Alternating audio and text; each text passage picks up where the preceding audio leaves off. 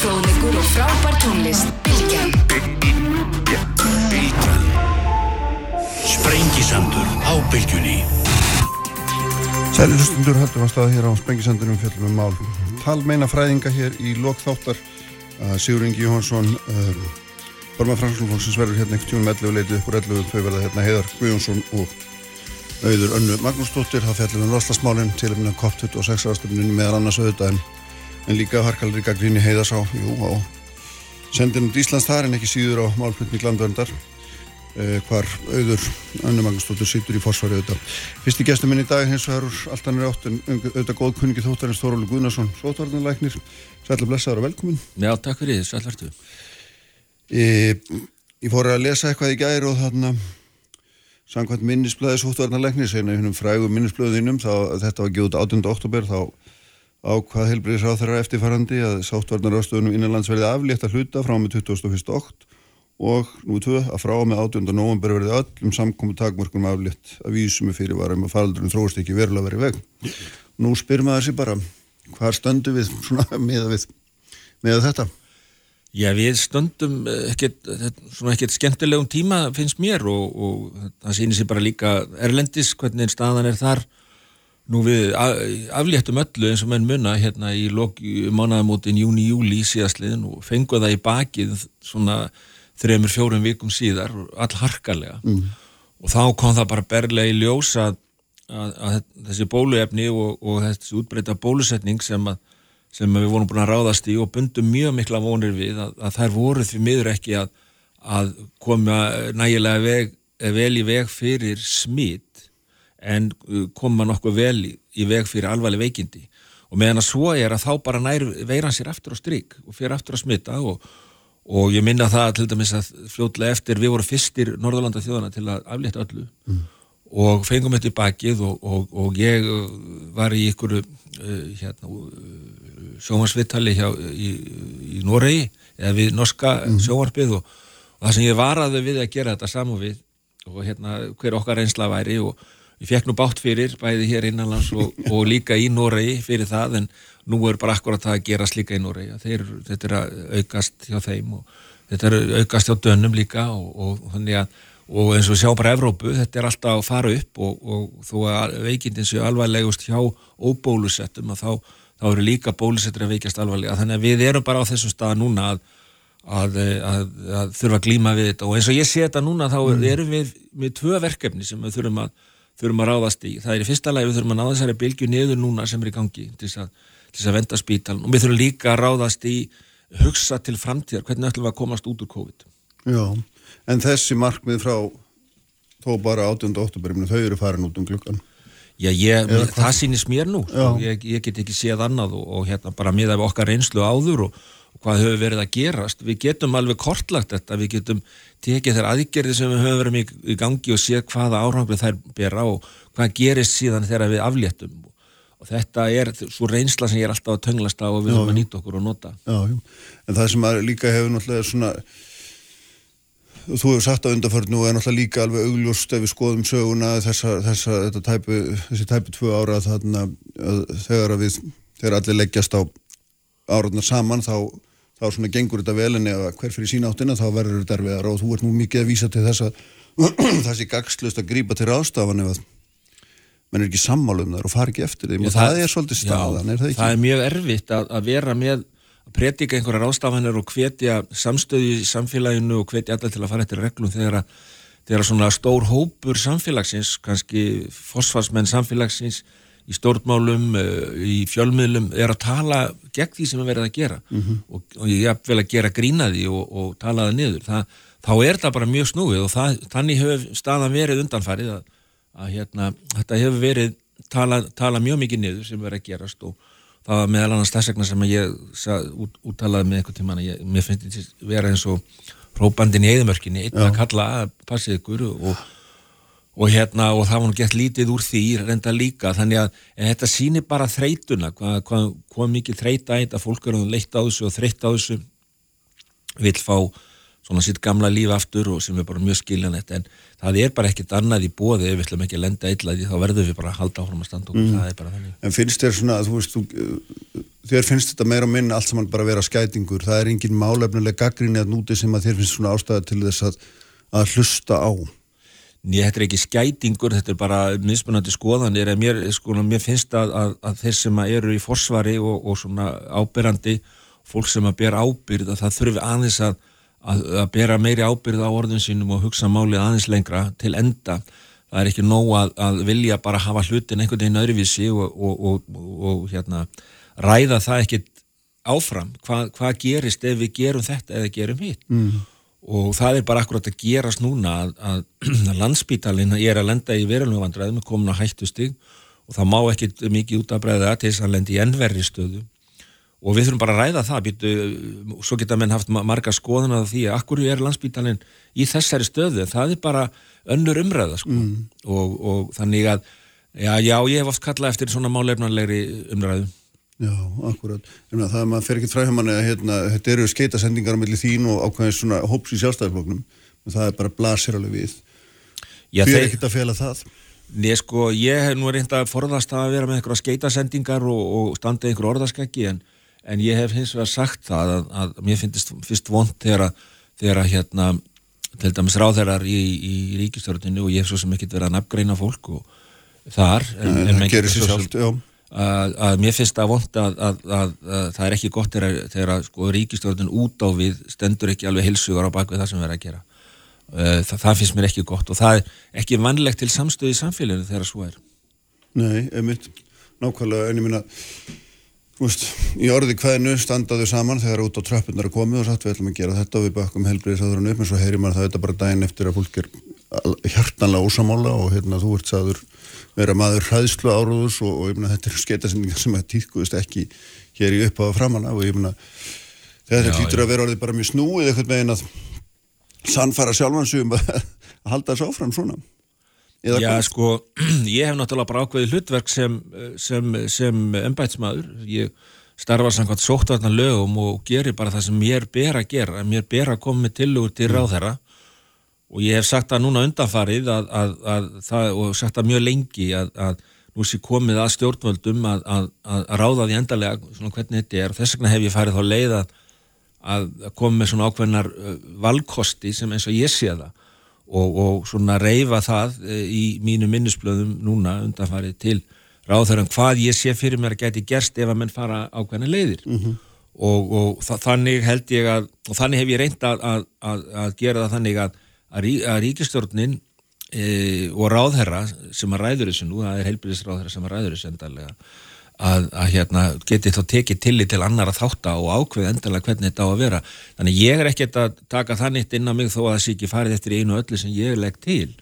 E, en ég held að sem er mikið vært að stjórnveld standi saman um það sem að verið er að gera. Það finnst mér svona að vera uh, atriði sem að skipti mjög mjög máli. Já. En hvað, þú veist, ég, þegar við byrjuðum að tala saman fyrir löngu síðan þá var eitthvað hugtak sem ég hætti að lifa með verunni sem að ég veit ekki svo mikið hvernig ég á nákvæmlega skilgrin eitthvað með en hún kemur og fer stundum herðu við og stundum slöku við menna, er þetta raun og veru bara það sem að svona óbreyttu blasir við okkur Já, að þínum að, hvernig? Sko, það er náttúrulega bara mjög breytilegt hvernig menn hafa skilgrend þetta að lifa með veirunni sumir mm. hafa skilið að þannig að lifa með veirunni sé bara hættu öllu og láta veiruna ganga, það sé að lifa með veirunni ég skil það þannig og, og legg út frá því að það að lifa með veirunni er líka að hún gangi en að við höldum höldum henni það mikið niðri að við lendum ekki vandraðum hér innanast mm -hmm. það finnst mér að vera að lifa með veirun og ég held að það sé það sem við þurfum að hugsa um núna. Ef við ætlum að komast út úr þessu COVID-dæmi sem ég held að sé stóra málið núna og það eru margir sem að hafa uh, núna undanfarið sko breytað á því og sagt að nú þurfum við að fara að ræða það og ég er alveg saman að því að nú þurfum við að, og það eru það eru tvær leiðir til þess að komast út úr þessu COVID eins og ég sé það mm. það er í fyrsta lega annarkort fáið við einhverja árangusríka meðferð gegn sjúkdómum og það er svo sem verður að koma, koma fréttir af því að það er að koma að lifa á markað sem að við möttum að sjá betur hvernig þau virka og hverju geta fengið þau og eru aukaverkanir og, og svona þann, hvernig mun það reynast en, en það er einlegin að og hinlegin er svo að, að fá gott ónæmi í samfélagi þannig að veiran hægt að ganga Já. og það, og þess að fá ónæmi í samfélagi getur við bara, það getur gerst á tvennavegu það er annars vegar að, að, að, að við fáum, höldum áfram að fá bara síkingar í samfélagi, náttúrulega síkingar og, og hérna þángar til þetta er búið. Og, e, en ef við erum að fá hundrað smitt á dag og, og hugsa um okkur þann fjölda sem á eftir að smittast þá mun að taka einhverja mánuði eftir ár, ég sé að minnur að kvótera mig að segja ég hef sagt nýju ár, ég hef aldrei sagt það, þannig að það er einhver tilbúningur, mm. en það mun taka mjög langan tíma að láta það ganga þannig. Mm. Hinn möguleikin er sá að fá þetta ónæmi með bólusetningu og við vorum að vonast þess að það myndi gerast núna í sömar, myndum, en, en það er ekki að gerast, við erum ekki að fá þetta hjarðónæmi, þetta miklu ónæmi samfélagið eins og við vorum að vonast til, en ég er svo sannlega að vonast þess núna að þriðja spröytan sem að að hún muni geta gefið okkur þetta samfélagslega ónæmi. Mm -hmm. Þess vegna held ég sé mjög mikilvægt að við ráðumst í það eins fljótt eins og við getum að, að bjóða öllum sem að hafa fengið tværspröytur, bjóða því þriðispröytuna og reyna líka að hafa upp á þeim sem ekki hafa vilja láta bólusetja sig og, og, og bjóða þeim aftur bólu, bólefni. Það er náttúrulega alltaf einhver hluti sem að vill ekki láta bólusetja sig það er kannski 5% allavega sem við munum aldrei láta bólusetja sig. Nei, nei, akkurat. En þú ert semst að leggja það til að við öll sem höfum fengið tværspröytur og við mætum aftur og fáum og, og, og þá er það þitt mata með því þá hérna augum við óna með, með öðrum og við takmörgum smittmöguleikana verulega þá. Já, algjörlega sko, það er náttúrulega, við, við mættir að, sko, vandin við allt saman allar þess að bara áttu ekki að COVID er að við erum að vinna í rauntíma. Við erum ekki með mikla reynslu og bólöfnin eru ný og þannig að við, við vitum ekki, ef við ætlum að býða eftir allir einslu og allir niðurstöðum þá, mm. þá, mun, þá mun það taka mjög langan tíma mm. þannig að ég held að það er niðurstöðu sem það, og það er frá Ísrael sérstaklega þeir, þeir hafa byrt greinar og, og er, er á undan öllum í því að gefa þriðjúsbröðuna og þar kemur það bara í ljós að, að, að þriðja spröðan er 90% virkari heldur en heldur en spröyta tvö að, að koma í veg fyrir smitt, koma í veg fyrir síkingu og koma í veg fyrir alvarlegar afleðingar. Mm. Þannig ef að það er, ef að það reynist vera rétt oh. að koma í veg fyrir smitt, þá fáum við þetta, þetta ónæmi í samfélagi sem við erum að kalla eftir og ég held að það sé okkar leið núna og, erum, og þeir hafa ekki séð einan alvarlegar aukaverkan, alvarlegar aukaverkan heldur en eftir tværspröytur mm. og jáfnveil minni. En við erum einhvern leiti byrjað þessu meðal eldri fólks Já, já, við erum byrjuð, það er búið, búið að spröyta rúmlega 30.000 manns með spröytu þrjú já. og við náttúrulega fylgjast mjög vel með því eru, eru þeirra smittast sem hafa fengið þrjálfspröytur mm -hmm. og það er, eh, eru, það eru nokkri einstaklingar sem hafa fengið uh, COVID, það er mjög fáir og þannig að, að, að ég bind miklar vonið við þetta, svo voru bara reynslar að sína, er þetta rétt?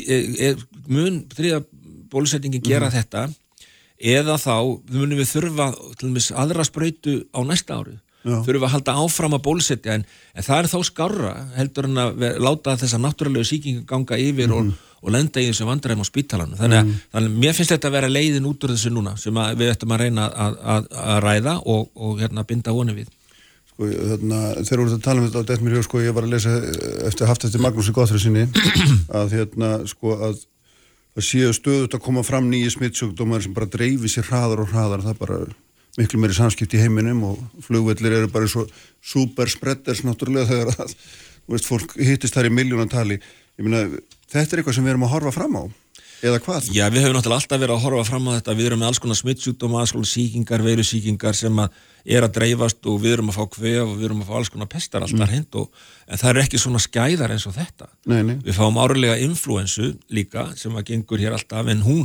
en COVID er tíu sinu verri sjúkdómar heldur en árlega influensa þá erum við að hugsa um alvarlegar afleggingar mm. innlægnar á spítala, döðsföll og svo framvegis þannig að, eh, þannig að, jú, jú, held að líka hugsa til framtíðar hvernig ætlum við að vera í stakkbúin til að mæta svona óvæntum atbyrðum eins og þessum. Og, og, og það er verkefni verk, verk, verkefni framtíðarinn að gera það. Mm, mm, mm.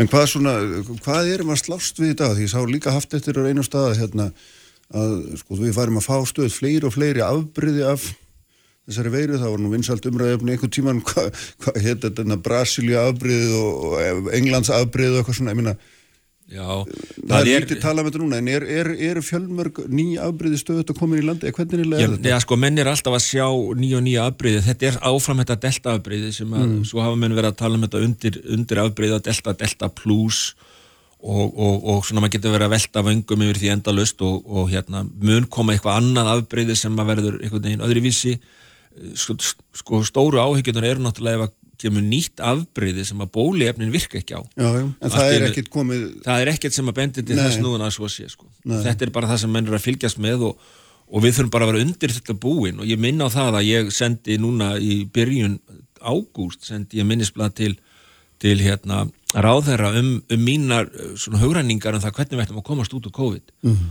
og, og hérna og ég var að vonast þess að það minnisblad myndi fá einhver umræðu ég veit svo ekki hvað umræðu það fengið í stjórnkerfinu en, en það var bara ekkert á því það var ekkert verið rætt um það. Þannig að, þannig að ég hef verið að reyna að gera mitt þess að fá þessu umræðu í gang og það hvernig við ætlum að komast út úr þessu. Ég held að það sé stóra málið að gera það heldur en að vera stöðut að rífast frá degi til dags um það hvað við erum að gera eða hvað við erum ekki að gera. Mm -hmm. En ég meina það sem við gerum frá degi til dags er náttúrulega hamlandi fyrir mjög margt fólk og maður sér að fjármálar á þeirra segir að það er, sé, jú ég stend með þessu en það er leiðilegt að þetta skuli ganga yfir, yfir alla þegar við Já, erum já, en, en það er það sem ég er að tala um þegar við erum að hugsa dæmi til enda. Ef við látum með við það er alveg greinlega þegar við slökum á hvort sem þú eru á landamærunum eða hér innanlands þá fáum við bara meiri, fleiri veirur inn, fleiri smitaða og meiri dreifingu og meiri veikindi. Og núna erum við með 2% af þeim sem veikjast það er búið að vera alveg frá því í júli 2% af þeim sem veikjast leggjast inn á spítala.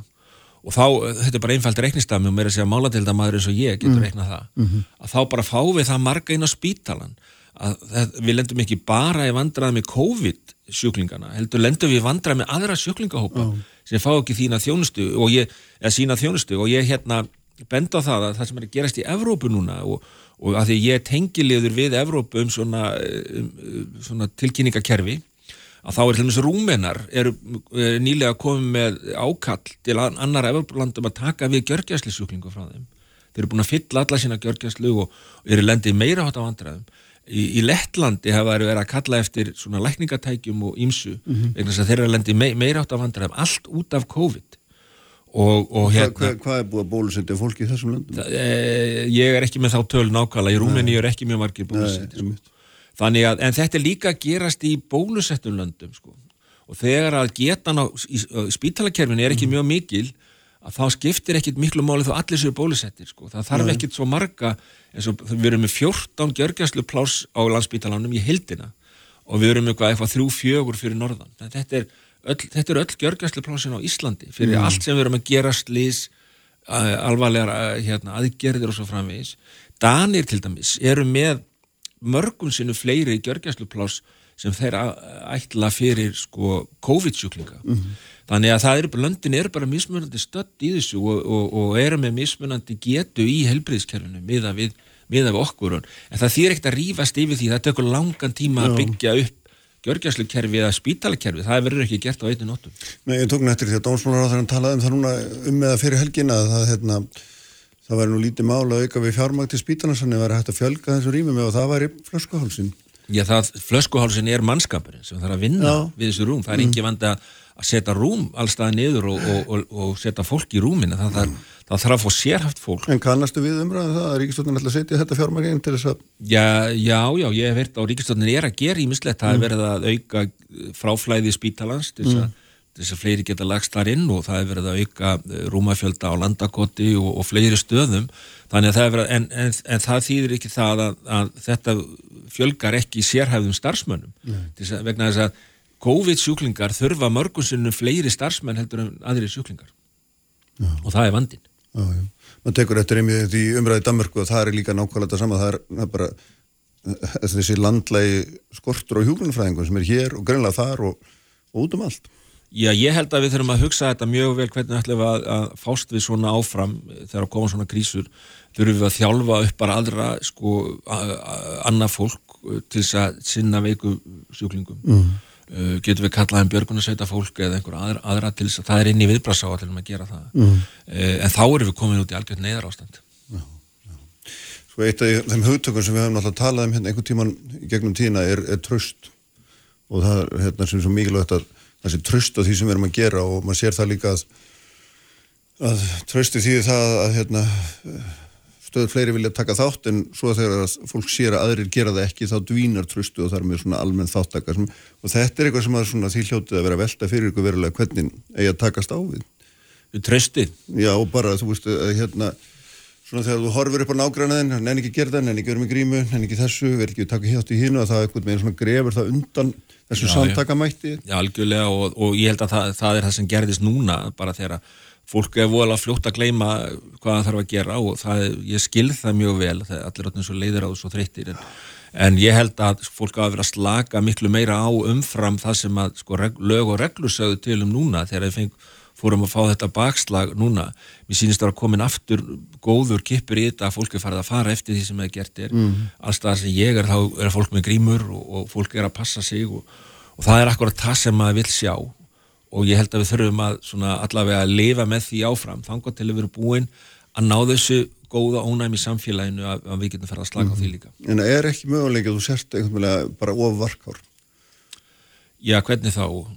Ofvarkár með hvað? Já, þessar svona hugmyndir sem þú vart að gera er til dæmis um 200 manna samkomi takmörk og svona það, það, þetta sé bara hérna, þetta sé bara á langt gengið við þurfum þetta ekki að því að Já, bara sko, þá vísa maður í bólusetninguna það eru minni veikindi og svo framvegs og framvegs Já, við hefum bara séð þetta, við náum við erum allt, allan tíman í gegnum allan faraldurinn við verið að höfða til fólks mm. til einstaklisbundin og sóttvarn alveg, ég meina, hefur við ekki hirt okkur það? Og hérna alltaf stöðu já, alltaf verið að hamra á þessu já. en það bara sýnir sig þegar faraldurinn fer upp og þá virkar ekki, þá virkar ekkert nema þessar takmarkanir, bara því miður og við höfum reynd líka að koma með svona takmarkanir sem, sem er ekki svona uh, viðtækar beinast ákveðnum hópum, það virkar ekki heldur.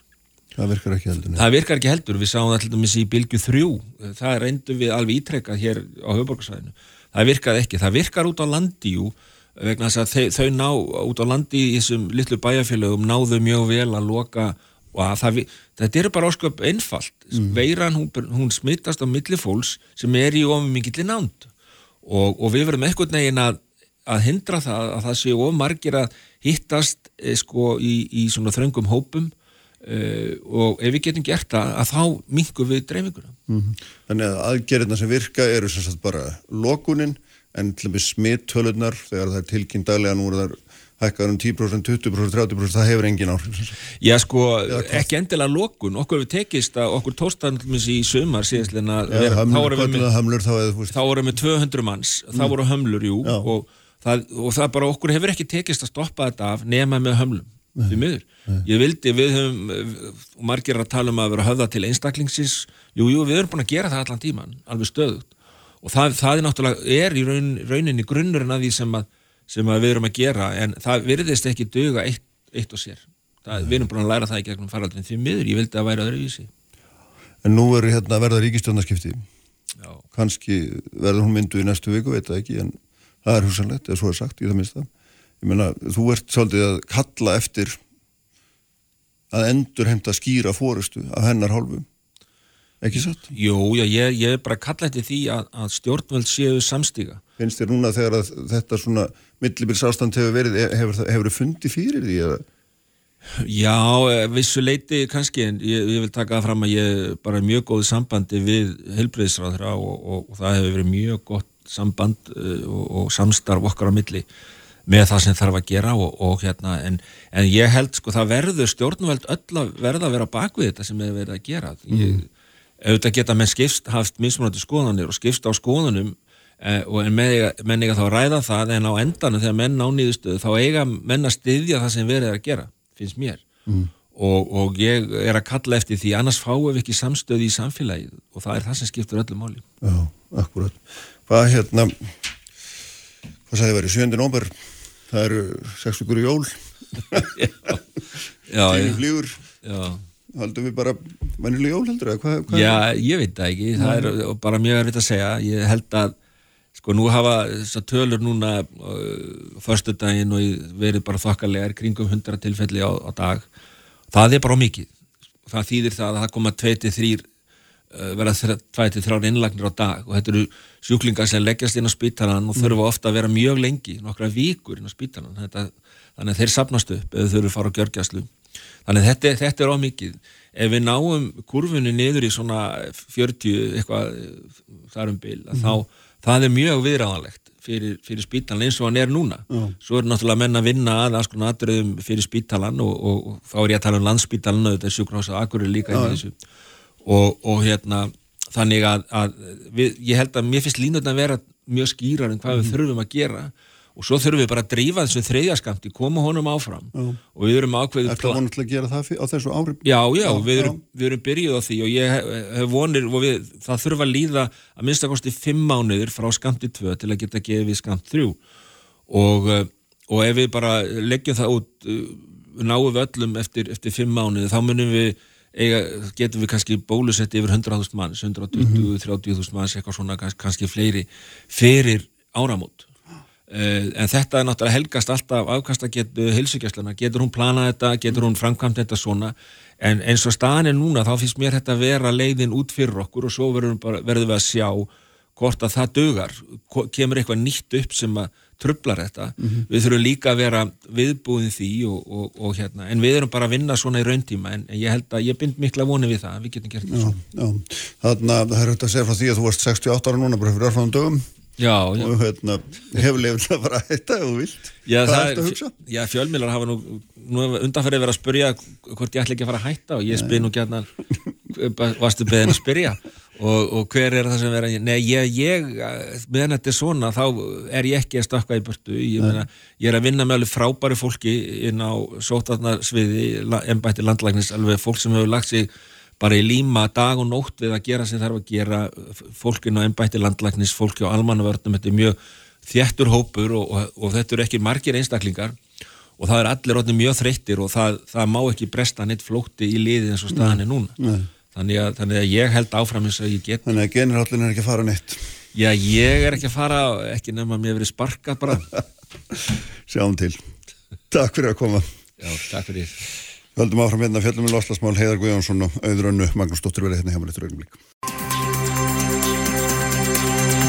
Sælir aftur hlustendur Þorvaldur Guðnason, sótvarnalækni farin frá mér eftir þessa yfirferðum hérna, gamal kunna hafa ágest koronaveiruna hérna, sem við vonum nú öll að fara að, að hýpja sig en kannski er ekki mikið farast með það en ég veit það ekki.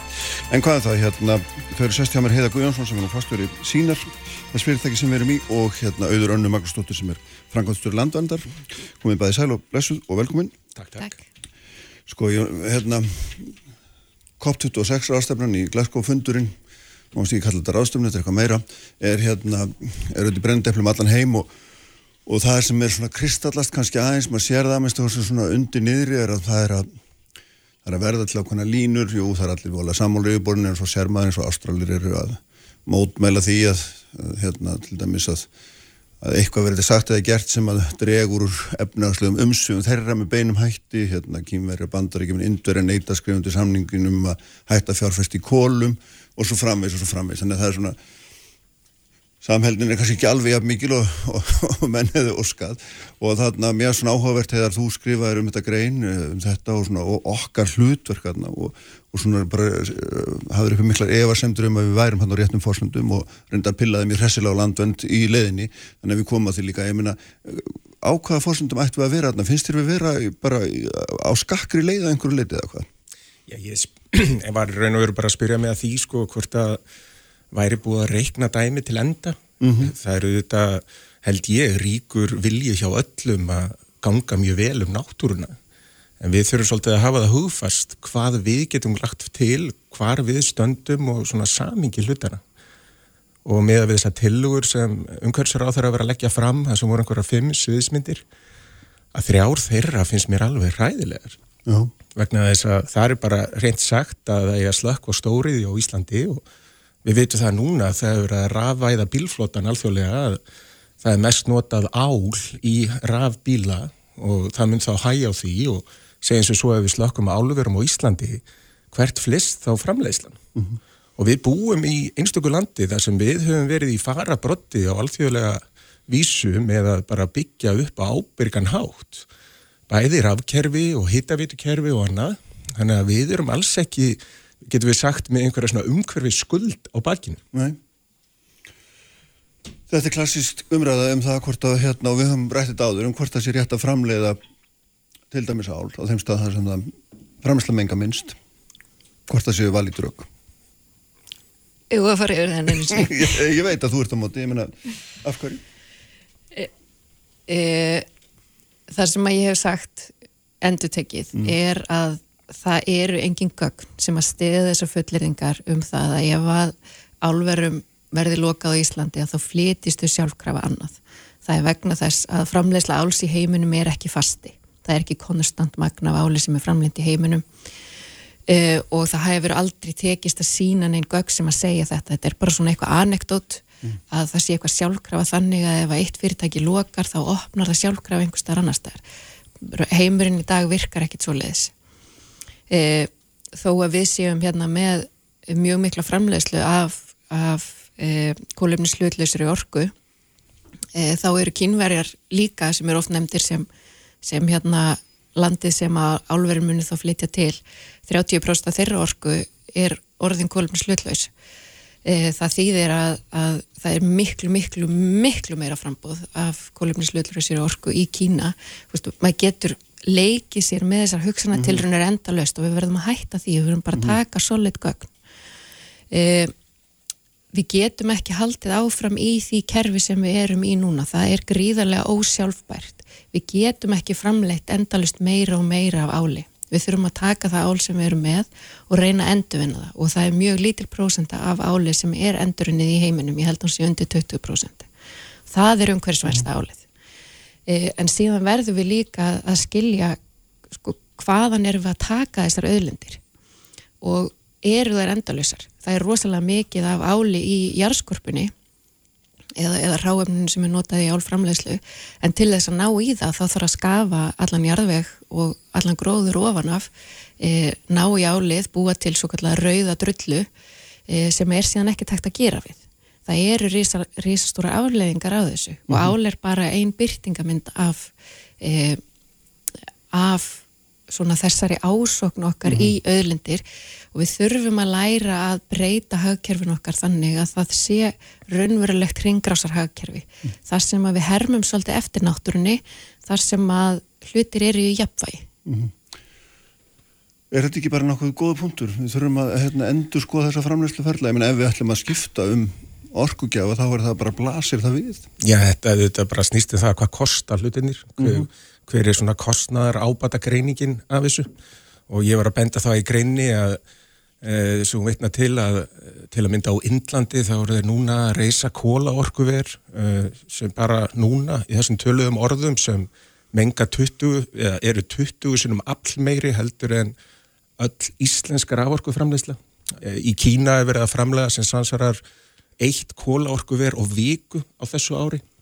Og við sem stöndum okkur svona vel eigum við að fremja eitthvað efnarslegt harakýri til þess að hinnir skussarnir geti haldið sínu fram. Og það er þetta samingi sem þarf einhvern veginn að gæta að að hvers vegna eigum við að fórna svona miklu þegar aðrir eru ekki að því? Þegar við stöndum okkur nú þegar svona vel. Mm -hmm. og svo vil ég líka bara minna það að Ísland er nú það land sem hvað helst þarf lítið að berjast á móti nættrætni hlínun vegna þess að það versta sem kemi fyrir á Íslandi væri kólnun. Mm. og auðvitað skiptist veðrið svona og hitast þig á jörðinni. Það er aldrei í jafnvæg, það er annarkort í kólunafasa eða hlínunafasa en, Þú ert að segja hefur að það er, það er svona þitt mat á þessu að, að þetta sé hérna, þetta sé einhvers konar það, með öðrum orðum hérna, meðan einhverju aðrir er að menga að þá erum við ekkert að fara að draga úr því hér að það er tilgangslöst. Er, er skiljið þér? Það er rétt, það er rétt og við eru bara þjóðir að gæta sinna hagsmuna mm -hmm. og við fáum ekkert fyrir það að koma fram og, og ætla að fórna gríðarlega miklu í þá vonum einhverja alþjóðlega aðdáðun. Það er freka bara alþjóðlegt allægi að við séum að ganga svona hart fram. Mm. Þetta er náttúrulega enganhátt efnagslegt harakýri, það væri efnagslegt harakýri að fylgja ekki öðrum þjóðum Eh, eins og Európa-sambandinu sem, sem er að gera mjög, ekki mjög vel, sem er að gera mikið í, mm -hmm. í, í loslasmálum og bandaríkin líka. Uh, Joe Biden, hann ítir mjög fast á loslasaðgerir vegna þess að þær eru efnahagslega hagkvæmar. Þetta er eitthvað sem það er hægt að græða peninga á. Við erum ekki að standa okkur neitt sérstaklega vel í, í umhverfismálum e, til dæmis þegar að kemur bara losun gróðursaloftu þá eru við e, alveg sama hvaða tölur þú notar, það er ímissar aðferðir þar sem þú skil, undanskilur ímislegt eins og til dæmis stóriðina e, að þá erum við með eitt stærsta kolumnusbor í Evrópu. Þannig það er ekki hægt að segja að við séum að standa okkur sérstaklega vel. Efnagslegt tækifæri sem fælst í því að vera fyrsta landið í heiminum sem er án jarðefnælsnitiðis. Það er gríðarlega mikið tækifæri mm -hmm. e, á ráðstefnunni í Glasgow núna, e, loslasráðstefnunni eða loslasfundinum, að e, þar eru risastórir fjárfestingaðilar að koma fram og segja við ætlum að fjárfesti grætni orku. World Economic Forum og bandarikin er að, að leiða fjárfestingaráttak í þessum geirum þar sem að hefur reynst erfitt að finna leiðir til þess að draga úr losun þar, sem að losunavaldrun er ekki jarðafna elsniti og þar er stáliðnaður, áliðnaður uh, sement, uh, skipa og flugflutningar mm. þannig að það er, gríð, það er gríðarlega mikið af fjármagnir sem er að koma og byggja um getur við fengið að fjárfesta í grænu lausnum uh -huh. og þó að það væri ekki sagan þá getum við ekki haldið áfram að belgja út uh, efnahagskerfið á meðan náttúrun og samfélagin borga fyrir það þetta er bara, þetta er bara jafna sem gengur ekki upp til langs tíma mm -hmm. Já, þetta er svona finnst mér eima því sem David Attenborough saði, hann saði að þessi trú andalisann hagvokst er annarkort galnir eða hagfræðingar. Mm -hmm. ég er nú hagfræðingur og þykist ekki að vera galin en þarna gera hans í segan um sko villu Maltusar sem er fræg sem kom fram með um 1800 kenningar um það að þegar mannkynnið fylgti fyrst 1 miljard að þá væri okkur öllum lokið. Bara auðlindundar myndi ganga til þurðar og þetta verið búið. Mm -hmm. Og þetta stef hefur komið fram aftur og aftur og aftur. Og 1970 þegar Limits to Growth kemur fram og Paul Ehrlich sem var að halda því fram að Breitland er í sokkið í sæ árið 2000 uh, eh, síðasta tríð á jörðunni er þið höggið uh, árið 2000 og þetta var allt búið. En það er öðru nær, í dag fyllir mannkynnið næstuði 8 miljardar og okkur hefur aldrei vegnað vel. Uh, betur segja mm -hmm. Þannig að ef maður horfir síðan á umgengni Íslendinga við náttúruna, hún hefur aldrei verið betri. Við horfum á umgengni Evrópubúa við náttúruna, hún hefur aldrei verið betri. Þannig að það er ekki eins og allt sé hér á heljar þröm, það er öðru nær. Vist þið lofslagsvandin vera með orðum aukinn þá eða hvað? Já, sko, stundum er sagt að, að, að lofslagsvísindi séu búin til til að láta hagvísindi líta vel út. Mm. Óvissan í, í, í spám og öðru er, er gríðarleg uh, þegar menn er að tala og koma fram með fulleringar um hvað gerist ef við höldum áfram á sömu braut hvaða, hvaða fórsendur hafa er til að byggja á? Þetta er á vísindalegum grunni ekki mjög stert uh, mér var skreinas Helga Tómassonar sem kom fram með uh, doktor í tölfræði og fari gegnum tímaræðagreiningarnar mm -hmm. það má alveg efast um þetta eins og annað. En þá er fólk eins og ég sem leiður mér að efast um þetta sem er bara sönn vísindalega nálguna efast um fórsendur að við erum kallaðir aðgerðar leysis sinnar eða afneitunar sinnar eða eitthvað ámóta mm -hmm.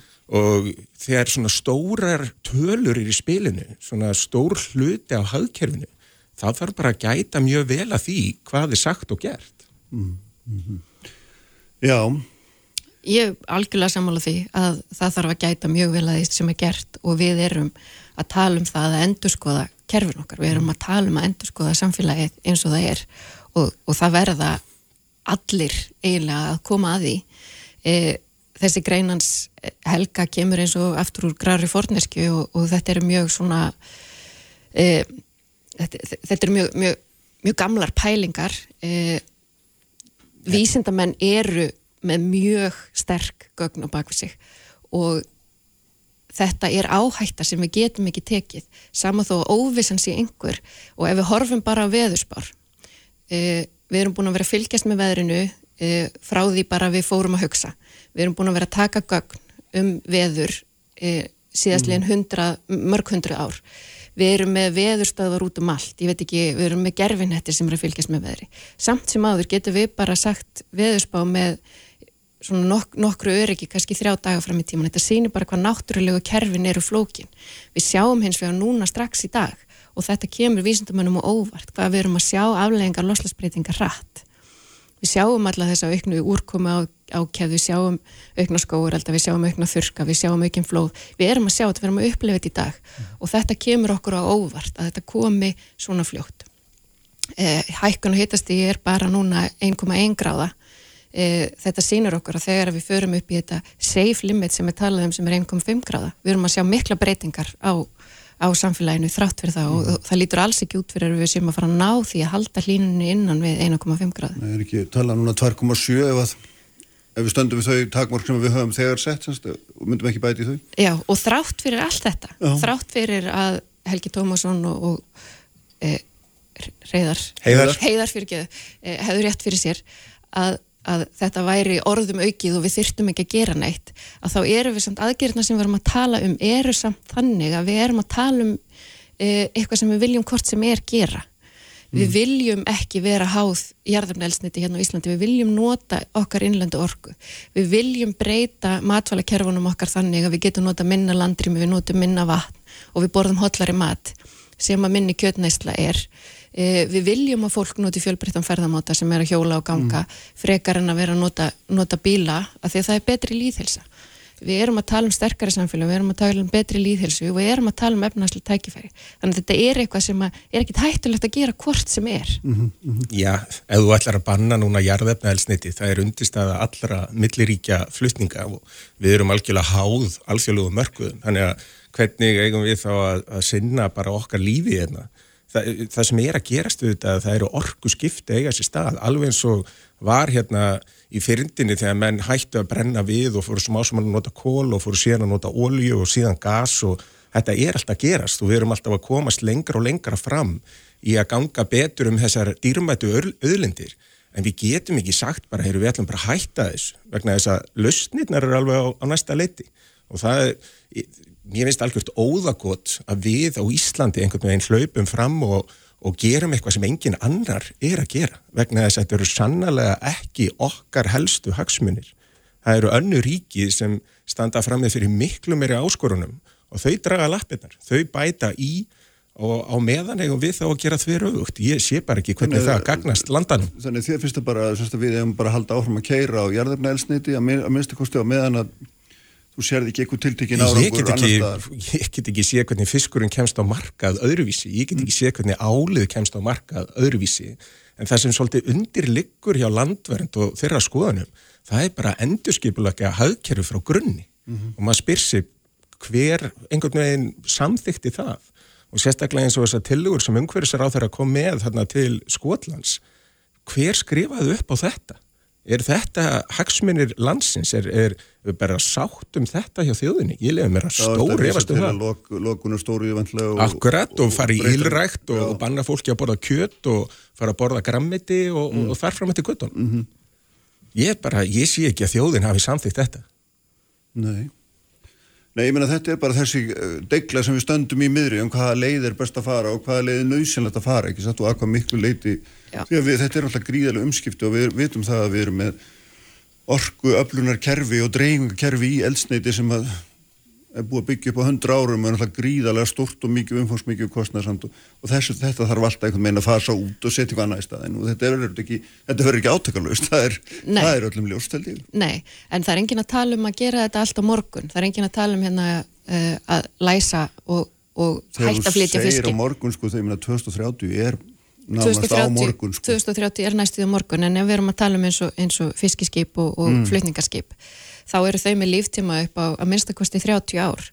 Þannig að við þurfum að taka sér ákvarðanir í dag. Við þurfum, ef við kaupum inn ný skip þá þurfa þau að vera skip sem geta gengið fyrir endurnýjanlegu eldsniti þetta eru ákvarðanir sem verðum að taka núna þó við höldum áfram að nota þau skip sem, að, sem að við eigum. E, og svo er náttúrulega hægt að vera með alls konar íblöndunar efni sem að geta dreigð úr losuninu mjög mikið.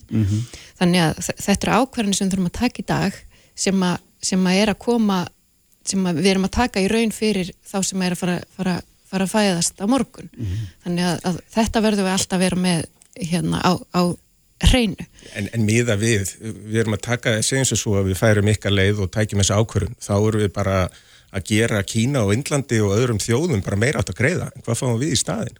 við erum ekki að gera neinum nettgreiða því við erum svo lítil að það skiptir ekki máli e, Og, og ef það skiptir þá ekki máli, hversuna er svona mikill asi í kringum þetta? e, við erum ekki að hafa neinn áhrif á efnahagskerfi Kína og Indlands. Það er það sem ég menna með það skiptir ekki máli. Það verður allir að vera, með og það verður allir að taka til í sínum gardi það þurfa allir að sína að við erum að leggja okkur fram. Þetta er ekki hugmyndir landvendar, þetta er hluti núna á orkustefnu Íslands að verða jarðafnars eldsnitislaus 2050. þannig að þetta, er ekkit, þetta er ekkit landvend, þetta er, þetta er samfélagi þetta, er, þetta eru við sem erum að fara að gera þetta. Og þetta er svo gríðarlega mikilvægt því að við höfum svo einstakt tækifæri til að sína að við getum verið e, fyrsta landi til þess að lifa án jarðefnelsnetis, við getum syngt heiminum að þetta er hægt. Og það er efnahagslegt tækifæri í það því. mun kosta okkur alveg gríðanett fjármagn. Eh, það mun bara rýra lífskjör eins og er komið inn á í þessum sviðsmyndum umhverfisaráþara að þá er bara hreinlega sagt að það muni minga lífskjað á Íslandi. Það, það mun hæja á fólksfjölgun uh, efnahagurinn mun býða tjóna af þessu en svo er látið eins og þetta sé eitthvað svakalegt tækifæri. Þetta er bara kostnar sem dæmist á. okkur ég held en, en þessar- nú, er það, en nú, nú er það þannig að það eru sko, það er alveg hárrétt sem öðru að segja á þannig að það eru fjárfestingasjóðu, fyrirtæki, ríkisjóðnir út um allan heim að leggja sko skriljónir í fjárfestingu í grænni tækni. Það er ekki, það er engum blöðum um það að flett og það er bara frábært. Já. og vonandi bara gengur þeim rosalega vel. Það er það sem við erum að tala um sem tækifæri er það ekki? Það verið að búa þau til. Jú, jú, en á sama hátt þegar þetta er að gerast og við segjum að þetta séu svakaleg tækifæri hversna eigum við þá að ganga fram með bóð og bönn ef að lustnirnar eru á næsta leiti? Ég bara átta mig ekki á því. En við sko, þe- þe- þetta er orðræða sem að, sem að gerði það líka verkum að við erum komin svona stutt þetta er 2007. loslasraðstöfna saminuð þjóna þar sem allir þjóðarleðtögar koma saman og ræða, ræða málin þeir eru búin að gera 26 sinnum e, nákvæmlega þetta að, að lausnirnar eru á næsta leiti við getum beðið, við höldum bara áfram að menga og býðum og býðum og býðum til að tæknilausnirnar koma. Þær kom ekki nema við sköpum tækifæri fyrir þau.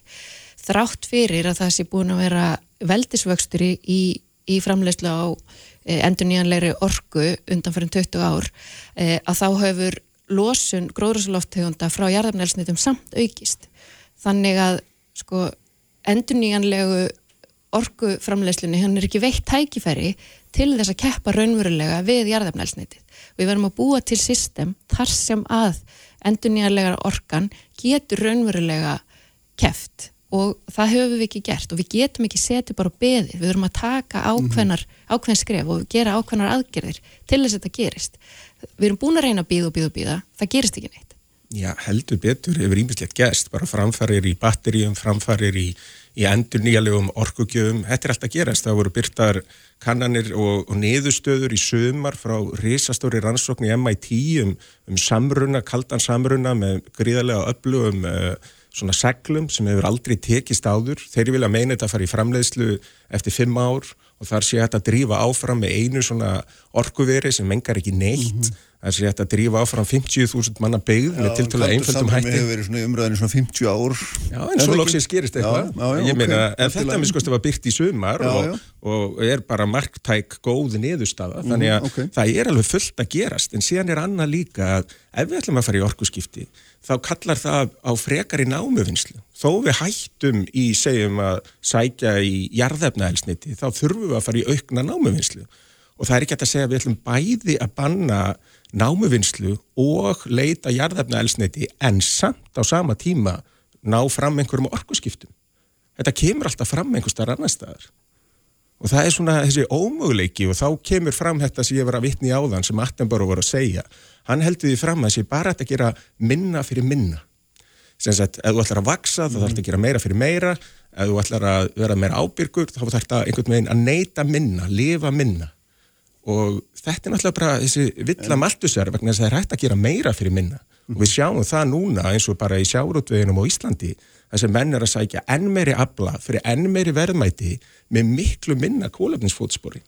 Það er að sækja minni afla en miklu verðmættari. Já, en miða við, miða við, sem sagt, núna kemur þessi loðnuvertið og þá bjagast aftur mælikvarðin, það koma svo rosalega mörg tonn, en auðvitað er þoskkvótinn og þosk, uh, þoskurinn sem við erum að veiða, hann er ekki jafn mikill og var hérna 1980, en hildaraflinn er ekkit mikið minni.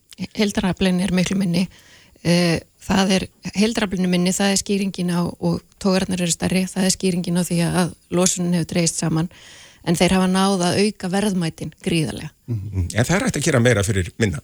Það er bara líkillin að framtíðinu og það er auðvitað bara að hafa trú á tækni framfyrum. Og Við, við getum til... ekki endalast haft trú á tækniframförum af því að þær hafa ekki fengið tækifæri eða þetta hefur ekki gengið upp og þegar ég segja að það hafa ekkert gerst.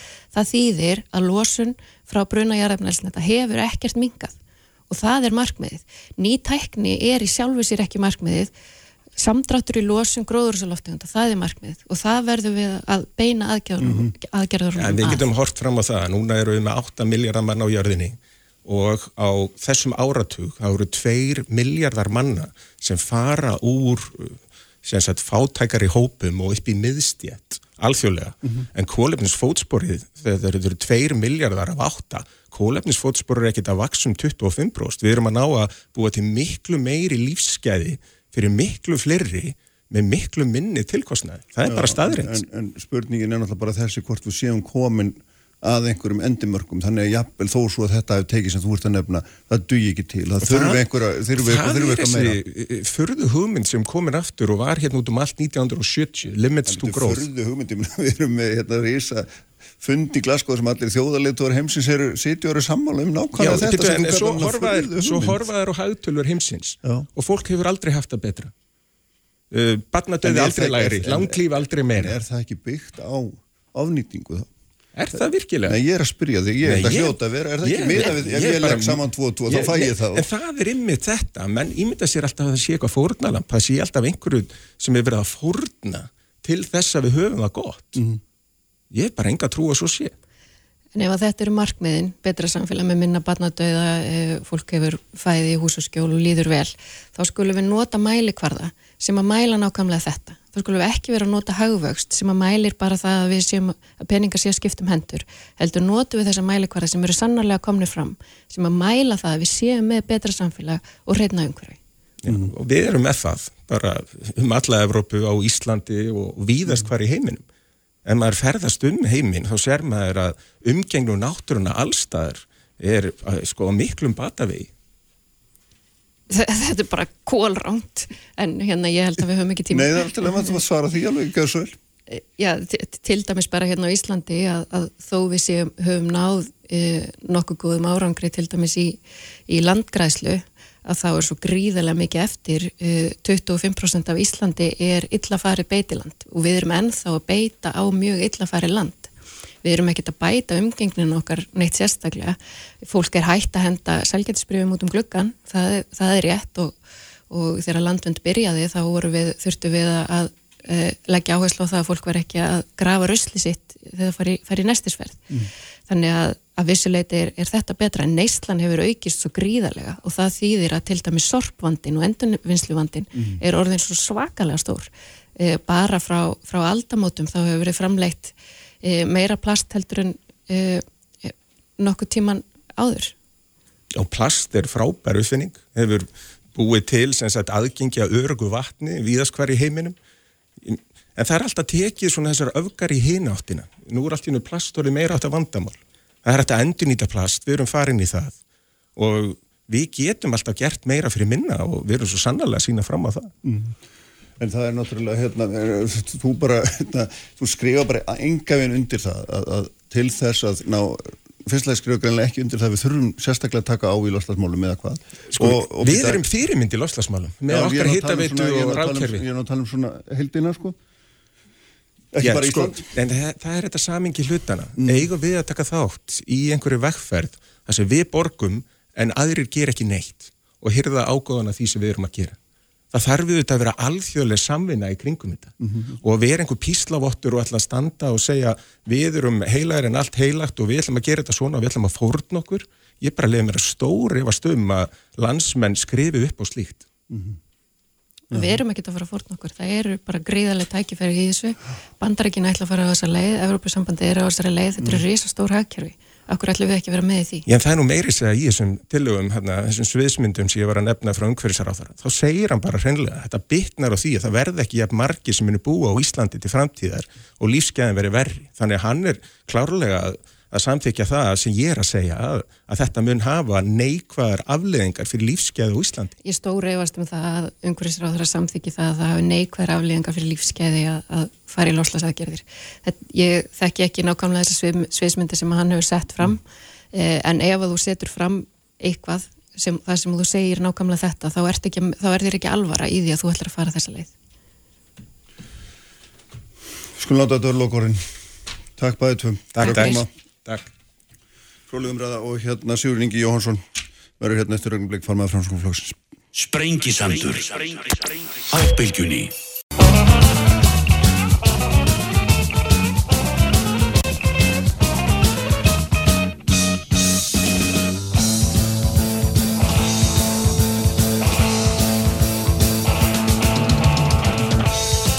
Sælir afturlustundur, þau eru fannin frá mér Heiðar Guðjansson og auður önnu Magnúsdóttir. Uh, hér á eftirverðar hjá mér Ragnhildur Dagný Bjarnadóttir Linda Björk Markusdóttir, þau eru talmennafræðingar fjallum þá um deilu félags talmennafræðingar við, við ríkið um uh, fyrirkomulega þjónustu verðlagningu hennar, þetta er deila sem hefur ekki farið hátt en staðið ansi lengi og, og hefur meðan annars orsaka það að það eru mörg hundru börn á bygglist eftir þjónustu talmennafræðingar um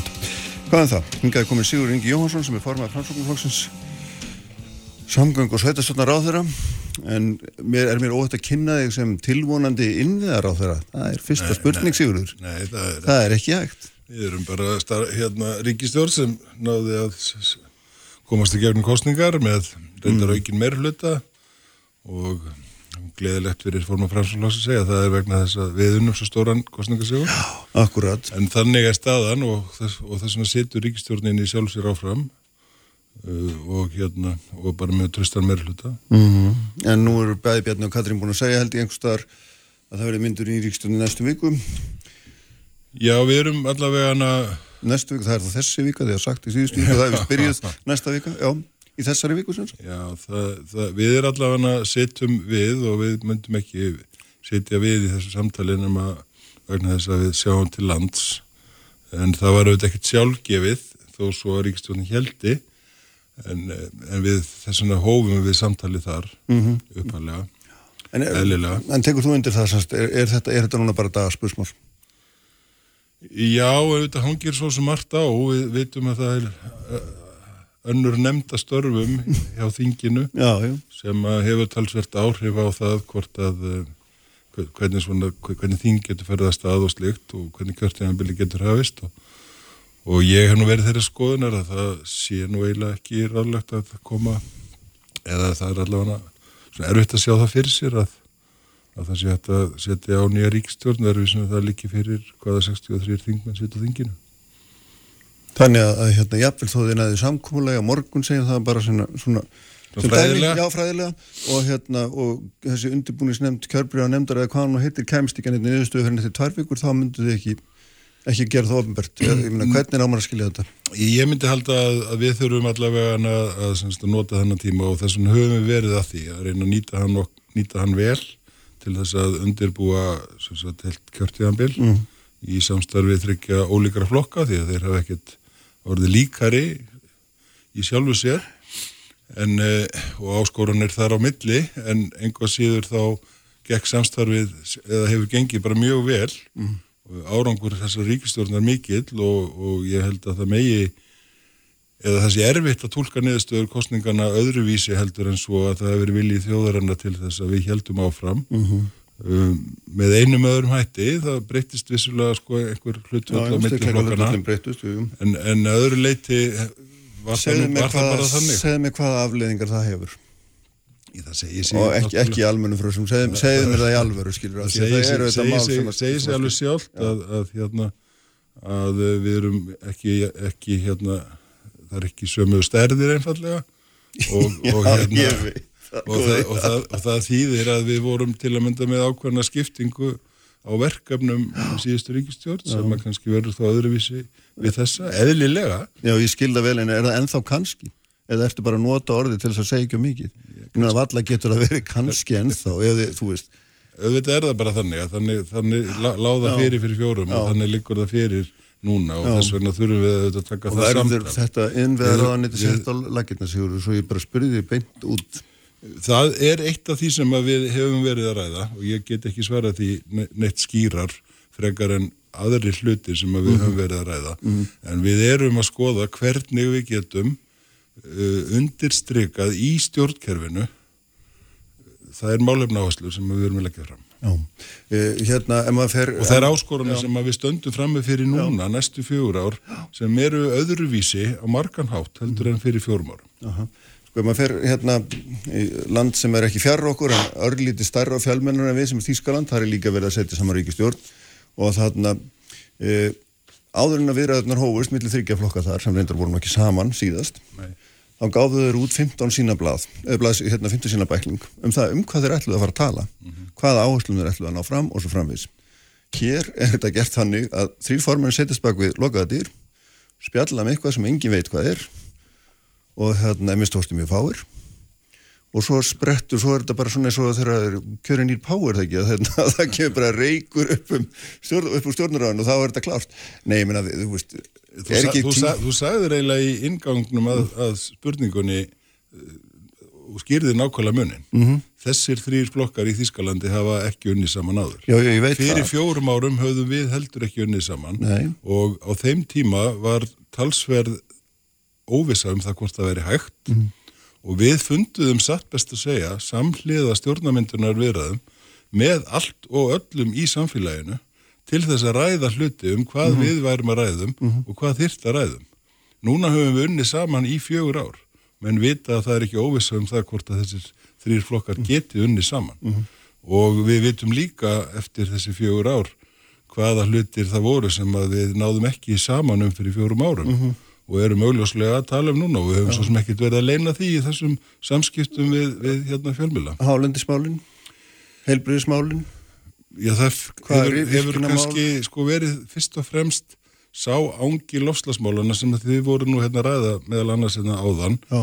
en hefur kannski verið já, ég ætla bara að segja hefur ekkert kannski, hefur bara verið efst á baugi í heiminum og hér á Íslandi sérstaklega núna í einhverja vikur með Arctic Circle eða Norðurslóða ringborðinu uh, með Norðurlandaráðu, með koppinu í, í Glasgow, þar sem enn eru einfallega að setja á borðið að það þurfi að skipta hér um orkugjafa í heiminum og til þess þurfum við að nýta orku.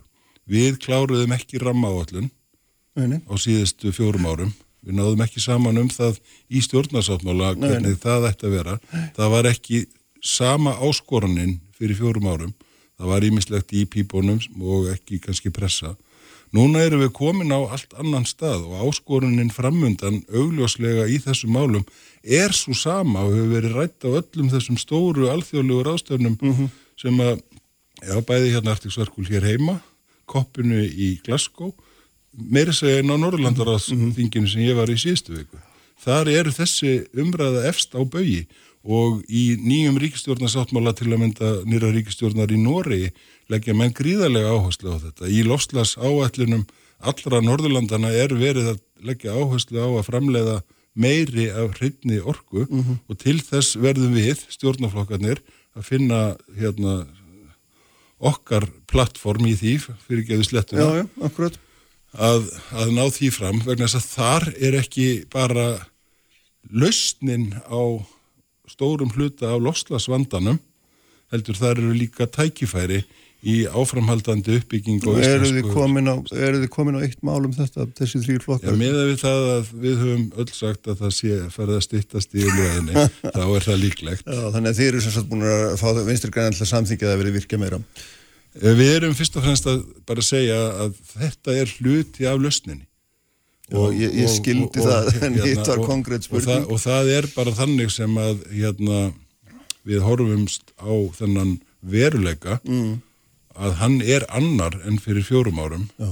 og þess vegna verður stjórnarsáttmáli sem að liggur núna fyrir vonandi ekki innan langs tíma hann verður að endur spekla hvernig við ætlum að leysa þann vanda. Mhm. Annað, ef þetta er eitt af rísamálum þá voru heilbrísmálun augljóslega eitt rísamál líka Þau eru það, en, eru- en, en sko, ég held að margir hafi séð flokkana, og kannski má segja það sama um loslasmálin. Mm. Í loslasmálunum held ég að það sé á Íslandi minni pólitískur á, á, hérna, ágreiningur um þau og hvaða leiðir þurfa að fara.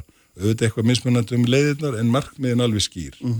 Í heilbriðismálunum var, fannst mér í áherslum flokkana svona gæta þess sama. Það voru allir með nokkuð svona skýrt hvert þeir vildu fara. Leiðirnar voru hins vegar ekkit ofsalega varðaðar hjá einum eða neinum flokki vegna þess að þetta er miklu flokknara mál heldur en að það veri list með einu hókus pókus. Uh, Þannig að, að ég held að við séum ekki eins ósamála eins og ég hef heyrt ykkur í fjölmjölum vera að halda fram hérna að við séum. Við Ég erum, bara, við, minna, við getum bara vitnað í bara nafnkunna menn um þetta. Þingmann sjálfstæðarflokksins sem segja bara að það kemur ekki til greina sjálfstæðarflokkurinn sitt í ríkistjórn með óbreytri helbriðstefnu og ég er ekkert að skalda þetta sko. Þetta er, ég er ekki að finna þetta upp. Ég get bara fundið fyrir grein í mokkan, ég er ekki með hana hérna núna. En þú veist, ég, ég er bara vitnað í það. Og öfugt, þú veist enginn úr vafki hefur áhuga meiri enga væðingu, þú veist það alveg jafnvel og ég sko Nei, nei, það er auðvitað þannig að, að hérna í aðranda kostninga segja menn alls konar hluti. Ég hins vegar hef bæði var á þessum fundum þar sem að við hérna formirinnir voru og uh, við töluðum no- nokkuð líkum rómi um hvað þurfa að gera. Við erum á, á Íslandi með blandað kerfi í heilbriðskerfinu og uh, ég held að allir flokkarnir séu tilbúinir að styðja við það. Þarf að skerpa línurnar á einhverjum sviðum? Já, öruglega. Og erum við tilbúin til þess? Já, það munum við öruglega gera ef að það skilar þeim árangri sem að við erum að leita stað, leitast eftir.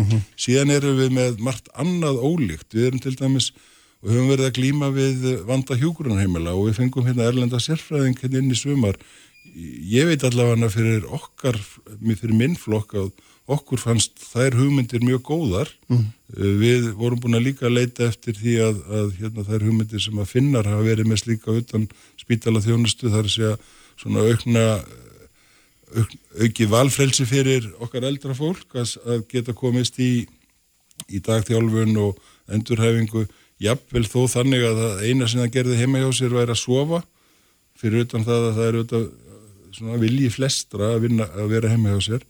Þetta er þarna kannski þarf að beita einhverjum öðrum leiðum, þannig að þetta er ekki neinn hókus pókus, þannig að við, þetta er flókimálflokkur og við erum eðlimáls að tala heilmikið um hann, geðheilbriðismálin er síðan einn ángi af þessu og kannski er, er hérna stærsta staðrendin svo að, að á sama tíma og að við eldumst að þá hafa svona líðheilsu vísar um sér farið í vonda átt hjá okkur, þingjumst og hreyfum okkur á lítið þannig að kannski þurfum við að taka svolítið á, Já, á, já. á hérna Langar, langar og ykkur í slíku. helbriðisánundið í framsóknoknum eða eru þið til í að láta hinn að slástu? Ég, mér finnst heilbreyðismálin eðli, eðli máls vera mjög áhugaverð málflokkur og við getum alveg hugsað okkur að, að sinna þeim. Já, hafið gert einhverju kröfu þann? Hérna skal ég ræða við einhver aðra fyrst allavega. Allt í fína, hérna já, já, þannig að sko, eitt af því sem að ég, þú sast hérna einhvern tíman hefða mér mann og ekkert lengur hvernig það var og þá saðir þú, þá vorum við að tala um sjárútskerfið og þú saðir hérna þessa ágæta setningu þetta er fínt kjærfið, það var ekki búið til til þess að gera einhverju orfa á einstaklingu ofuríka, þetta sé nokkurn veginn orðrétt að svona saðir og þarna, svo fer maður að skoða og hérna, kjarnin er búin að vera með duglegur að hérna, skoða sjárútisgrunn Deloitte, kemur fram að það eru 665 miljardar krónar hagnaður frá 2009 30% að fara í skatt, veiðgjald allt þetta dót 70% í arð. Og þarna minna, þetta er kerfi sem að nákvæmlega þú ert að lýsa og viljir ekki hafa. Er það ekki, og þess vegna erum við leikum við forrætna að vita, eru þið eitthvað að tala um þetta? Eru þið eitthvað að tala um samþjöpun afla heimilda, þessa blokki sem er að myndast? Ég sko sjáurútvörun er einn helsta atvinnugrein okkar og það væri merkilegt ef við fjöldluðum ekki eitthvað um hana í, í stjórnarsáttmála. Uh, Það kom mjög áhugaverð skýrsla út í vor sem formaður nefndar var Sveitn Agnarsson og voru Gunnar Haraldsson manni og líklega Sigrun Arason líka og fleiri. Gríðarlega merkilegt plagg sem að verðskuldar miklu meiri umræðu heldur en hefur fengið í samfélaginu. Uh, Þar eru svona vísbendingar um að þessi atvinnugrein muni geta skilað kannski 100 miljardum til viðbótar í útlunnstekjur á innan við áratug. Og þá er ekki verið að miða við að það sé verið að veiða í sjálfur sér meira magn heldur séu bara verðmættin að aukast vegna, vegna áherslunu þessara greinar á gæði, á tækni, á framfærir, eh, markasetningu klárlega. Uh, þannig að það er rétt sem að þú vísaðir til, sko, kerfið var ekki búið til fyrir þetta, þá snerist um að snúa við taprekstri sem var hér og ofveiði. Og, og hvoru tvekja hefur gengið mjög vel. Við, við hefum náð góðum tökum á þessu tvennu. Og við, okkur hefur auðnast svona smátt og smátt sem okkur tókst ekki framan af í þessu kerfi sem er þá þriðji lið, liðan í þessu semst, byggðavinkillin eða samfélagslegu áhrifin. Eh, þar hefur okkur svona tekist betur til á síðustu árum með ýmsum hliðaraðgerðum. Eh, við þurfum hins vegar að horfa kannski á hildarmyndina og sjá bara hvernig þessi þróun hefur verið. Allt frá þessi ákvörðin er tekin framsalið bætist síðan við allar þessar tækni framfærir koma inn og þar breytingar sem verða á alhefsmarkaði hvar eru við stödd með þessa grein í dag og hvar verðum við með stödd með hana eftir 10 ári eða, eða 20 mm.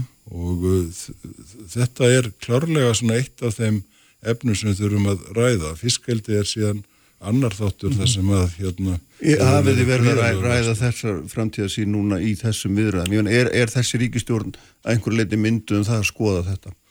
Eða verður hún einhver leiti myndu um það? Ég er bara eins og ég segi, sko, þetta er ein, einar okkar helstu hérna atvinnugreinum og Já. í þessari skýslu er verið að tala um að fiskaldið og sjávarötuðurinn samtals geti vaksið auki þjóðartekjurnar, útflunnstekjurnar um 180 miljónur á 10 árum. Og það eru fjármunir sem skipta máli og þá hvernig þeir dreifast um samfélagi skipti líka Leif mér að snúsa öðruvísi, er þessi hlutfall 70% arðu 30% til ríkisins af þessari enga, þessari, þessari hérna, enga afnótum af þessari auðlind. Er það hérna, hlutfall sem að þér finnst bara í góðu lagi? Ég, ég ætla allan að svara þessu svona, Kristján, að hérna, við höfum verið að rífast um einhvers konar reiknireglur um veiðigjald núna upp á síkastið. Það er engin önnur þjóð að rífast svona um sinn sjávarútög, en þess að allur annar sjávarútögur er, er hérna, ríkistyrtur, meir og minna. Um, nema kannski ef, ef, ef undaskiljum einhverju leiti færinga og grænlendinga en allar aðra þjóðir. Um, kannski þurfum við aðeins að taka þess að umræða eins og stórskáldi sagði okkur lifta þessu örlítið og herra plan. Já. Kannski. Mm Sem myndi merkja hvað? í, ljósi, í ljósi þess að, að þetta er svona stór atvinnugrein og þróunin er svona mikil í greinni. Geti ég átta fyrir þér einlægni? Nú skildi ég ekki hvert þú varst að fara. það verði ég að viðkynna. Hérna, En þetta er, þetta er, þetta er ein af áskorunum sem við stöndum frammi fyrir Já. í samtímanum. En, er kannski, en kannski ekki síður inn í lengri framtíð. já, Og það er kannski það sem að við erum að reyna í þessu samtali og þess vegna þurfum við eðlilega einhver tíma til þess. Að það eru á nokkrum sviðum þar sem að hlutir er að gerast mjög hratt, meðal annars vegna tæknibreitingana, meðal annars vegna lofslagsmála, mm. að, að þá þurfum við að vera með svör við því hvernig við ætlum að tækla það og takast á við það. Uh, Það þarf að búa til fleiri störf í landinu. Uh, Það er ekki ríkisins að gera það, Nei. en við þurfum hins vegar kannski að, að búa til þann ramma hvernig, hann, hvernig Já. það getur orðið til. Þau störf eru ný. Já. Það eru nýstörf.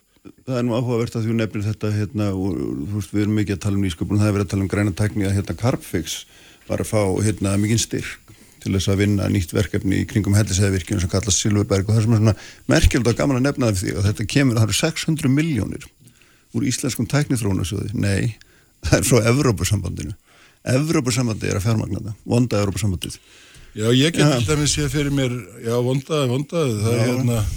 ég er aðeins að steyða þér með það en, það, en, það er óþarfi, ég er ekki viðkvæmi fyrir því og við tökum hérna, virkan þátt í öllu eurósku samstarfi og borgum umtalsara fjármunnin en fáum mjög mikla fjármunni tilbaka einmitt í gegnum svona leiðir eh, einfallega vegna þess að við erum með mjög áhugaverð verkefni sem eru ekki bara lausn á Íslandi og þetta verkefni er til dæmis mjög áhugavert á alheimsvísu og ég geti vel séð fyrir mér að í stað þess að, að hérna menn séu að fá einhverja styrki til þess að menn hreinlega myndu gera þetta að einhverju markaðsvöru og koma þessu út um allan heim Já. og gera, minna það er verið að setja hér á risa sjóði sem ber fréttinnar frá, frá kopp núna bara fyrir stuttu síðan þess að meðal annars íslenski, íslenski lífeyrissjóður ætla að setja um tæplega 600 miljardar á Já, næstu tíu árum Já, já. inn í slíkan sjóð.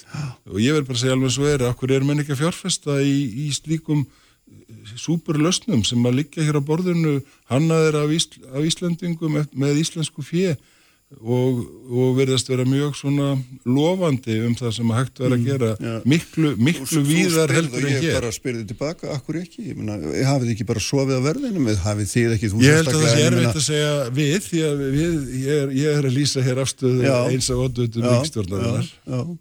En menn, eitthvað vantar í umhverfið einhver, einhverja kvata vandar fyrir þessa sjóðu eða aðra til þess að tengja þarna saman verkefninu og fjármagnið. Hlýtur að vera. Eða frumkvæða vilja. Já, akkurat. Já, nákvæmlega.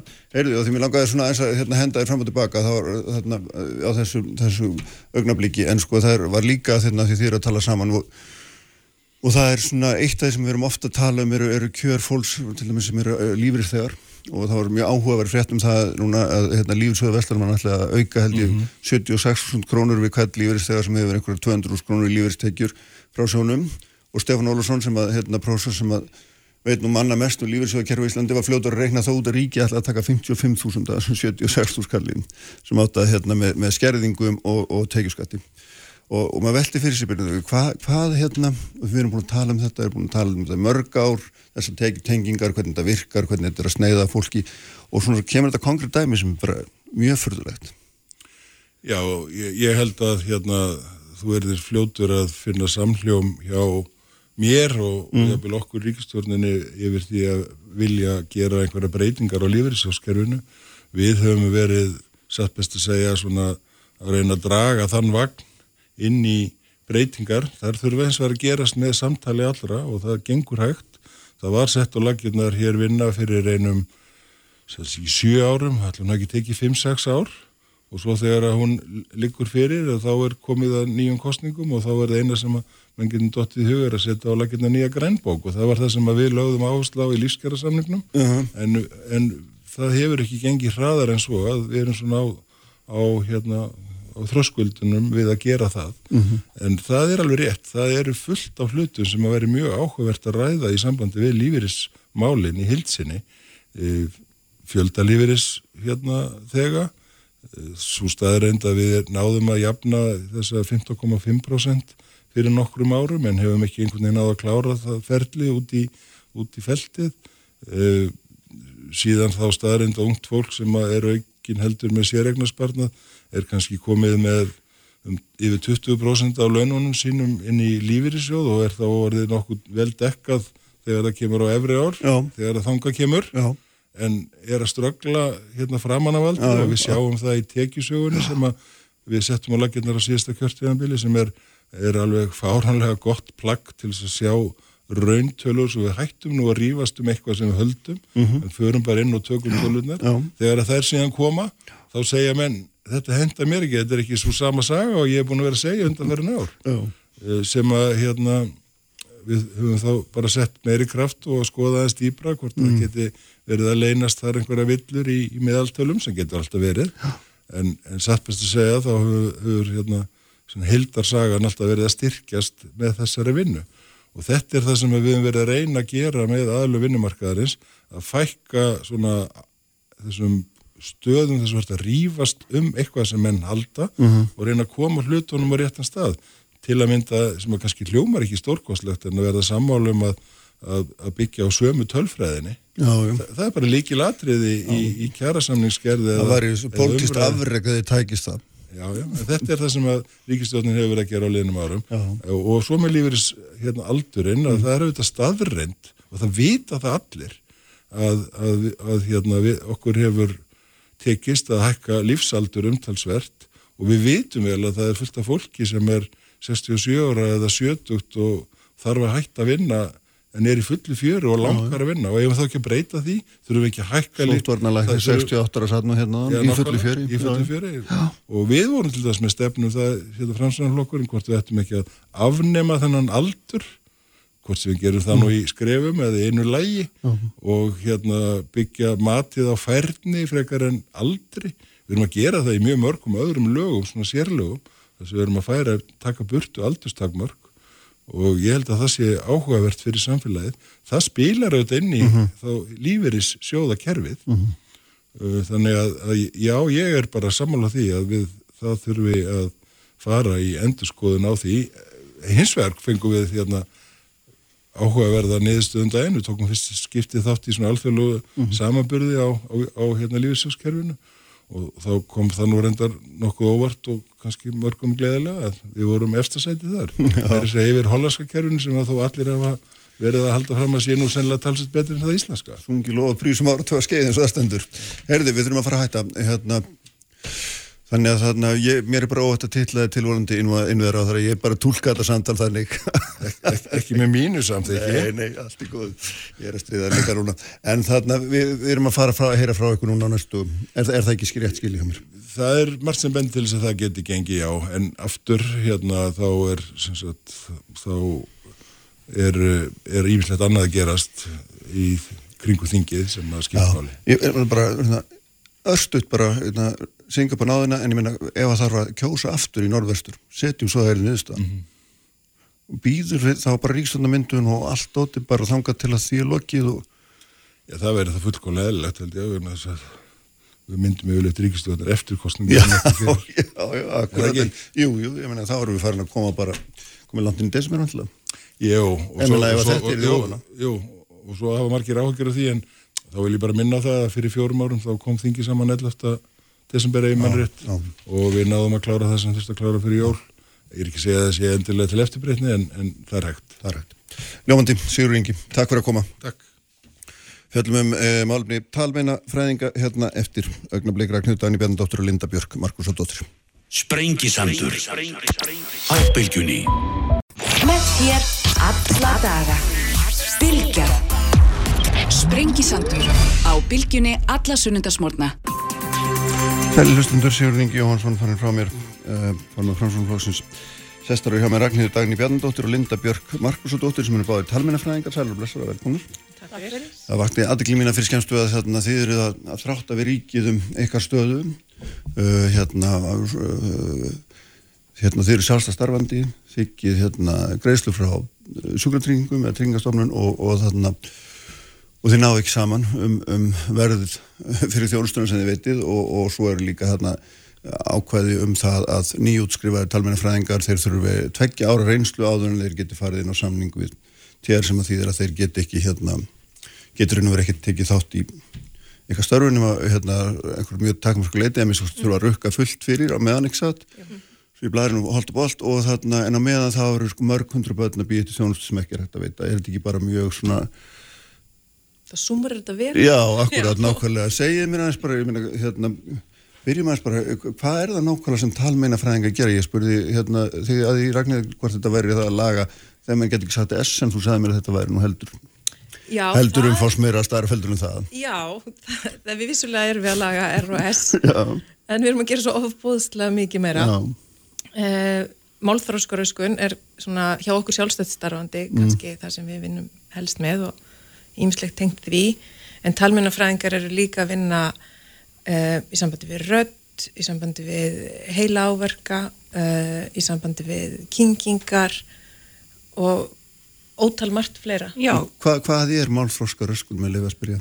um, málþórskurskun er sem sagt, þegar hún er það sem að kallast sértæk þá er hún sem sagt, þetta er bara frekar dölin og, og falin vandi og vangreindur það eru svona cirka 1-2 börn í hverjum einasta árgangi á Íslandi með málþórskurskun og þetta er sem sagt, lýsir sér fyrst og fremst í því að allur þroski er eðlilegur annar en málþórskin þannig að það er sagt, bæði sagt, börnin eiga þá erfitt með að tjá sig og jafnframt að skilja mælt mál. Þannig að þau eru, þau læra tungumál og sama hátt og allir aðrir. Til einföldun að þú ert tíu ára og tala eins og fimm ára, eða er það einföldun? uh, í- Mikil einföldun? Já, Já, til dælulega mikil einföldun. En sem sagt já, það getur líst sér þannig að málið er til dælulega einfaldara orðaforðin er fátæklegri um, þú getur lent í útistöðum í skólanum af því þú miskilur hreinlega það sem er verið að segja við þig Já, þetta er bæði skilningur og, Já, og tal, bæði sem sagt. skilningur Já. og, og tjáning sko, og hérna, já, er eins og ég segi frekar vangreindur vandi og ef við yfirfærum tölur þá megum við gera ráð fyrir einu til tveim bönnum í öllum árgangum og öllum skólastegum og eins og lesblinda og aðrar sagt, raskanir þá er þetta ekki eitthvað sem eldist af fólki. Mhm. eins og greiðslu þáttakann hefur yfirleitt takmarkast við börn, eða sem sagt fram að átján ára. En það er ekki þannig að þú vaknir átján ára og sért skyndilega ekki lengur með málþórskurarskun sko. áhrifinnar hafa á, áhrif á því alla æfi og hérna og, og þjálfunin miðar að því í rauninni ekki að lækna röskunina því að það er eins og Linda var að segja ekki hægt heldur að minka áhrifinnar. Þannig að ef ekkert er að gert þá eikst bílið millir þín og jafnaldraðina uh, á meðan þú ert að býða en við erum að miða því að, að, sagt, að minka bílið eða allavega að passa að það aukist ekki. Já, akkurat. Og þetta er eiginlega tvær sko mismunandi típur ef svo má orði, orði komast. Það getur verið sem sagt málröskun sem fylgir öðrum eins og þeir sem eru til dæmis með Downs heilkenni eða einhverfu eru oft með einkenni í máli sem að tengjast á röskuninni. En svo heitir þess að DLD, málþórskuröskun, ef að það er bara, þá bara einskorast við málið. Og það er engin önnur sem þetta sjáanleg röskun. Og, og hérna, síðan, síðan sem sagt er þetta þannig að þið eru, eru hérna, ég sá að þið eru 144 talmennarfræðingar á landinu. Mm. og, og, og hérna, og byðröð upp á 2-3 ár Já, hjá hverjum einum, já, sko, eða hvað svona cirka, eða sko ekki kannski ekki, já, hjá hverju meinum, jú, sko Alla það er náttúrulega svolítið að fólk, eru, já, já. sko, sko fólk skráir sér líka bara á bygglista hjá öllum. já, já, já, já. þannig að hérna, og það eru svona, við höfum svona verið að reyna að taka þetta saman það er líklega um þúsund börn á bygglista og það saksast hægt á bygglistana að því að hvert barn er svo lengi í þjálfun En þið- þið- sérst, þið erum sjálfsagt starfandi, annars vegar svo eru þið líka starfandi inn í ofnbæra kerfin ekki satt, Jú. eða einhverju marki, Já. þannig að þessi, þessir 144 eru þá skiptast á milli ofnbæra kerfisins og Já. það Já. eru um það byrj 50 talmennafræðingar á samningi Já, við já, já. Og, Og eru- eftir, og þúsund börn sem býð eftir þessum 50 Já, þess að þetta á stofunni þar sem að ég vinn sem heitir Talsetrið, þar náðum við þeim grátlega áfangað um daginn að það eru komið sér þúsund börn á byglistan hjá okkur.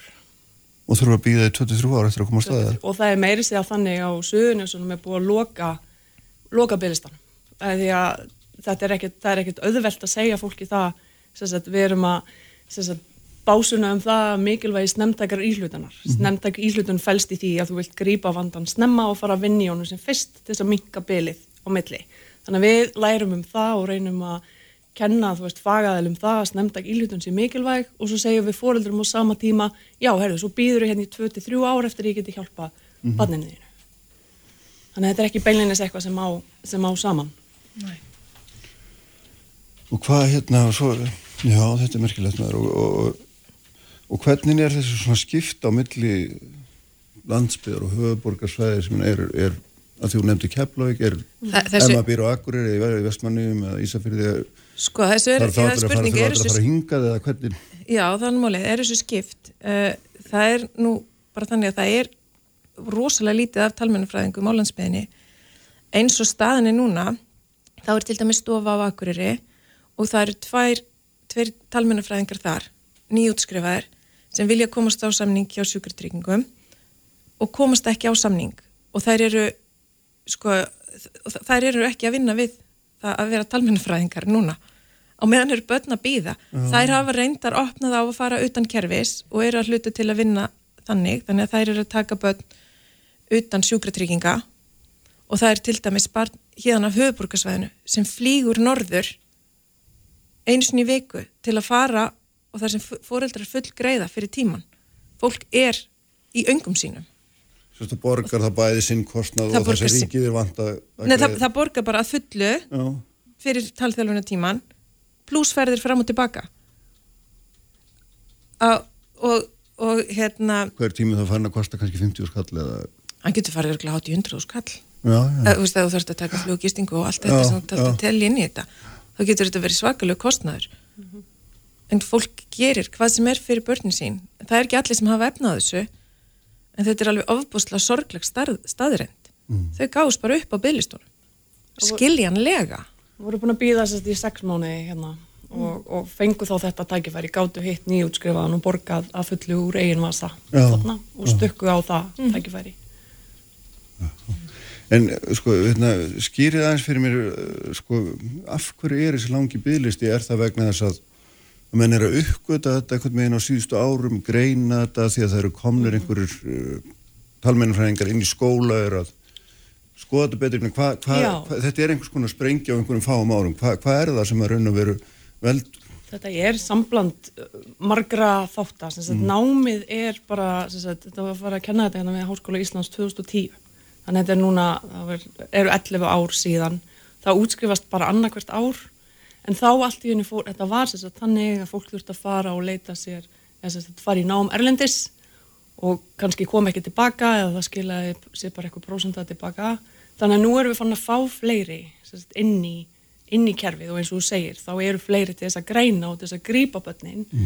En þá er þetta, af því að fæðin er svo mikil, þá eru þau mest í ráðleggingum og greiningum það gefst minna ráðrum til þess að sinna þessari eiginlegu meðferð og þess vegna lengjast og lengjast listanir Já, af því að það er allir að hlaupa í, í greiningar bara eðlilega, þú veist, reyna að grípa vandan en svo þarf náttúrulega eitthvað að taka við þegar það er, það er búið, sko.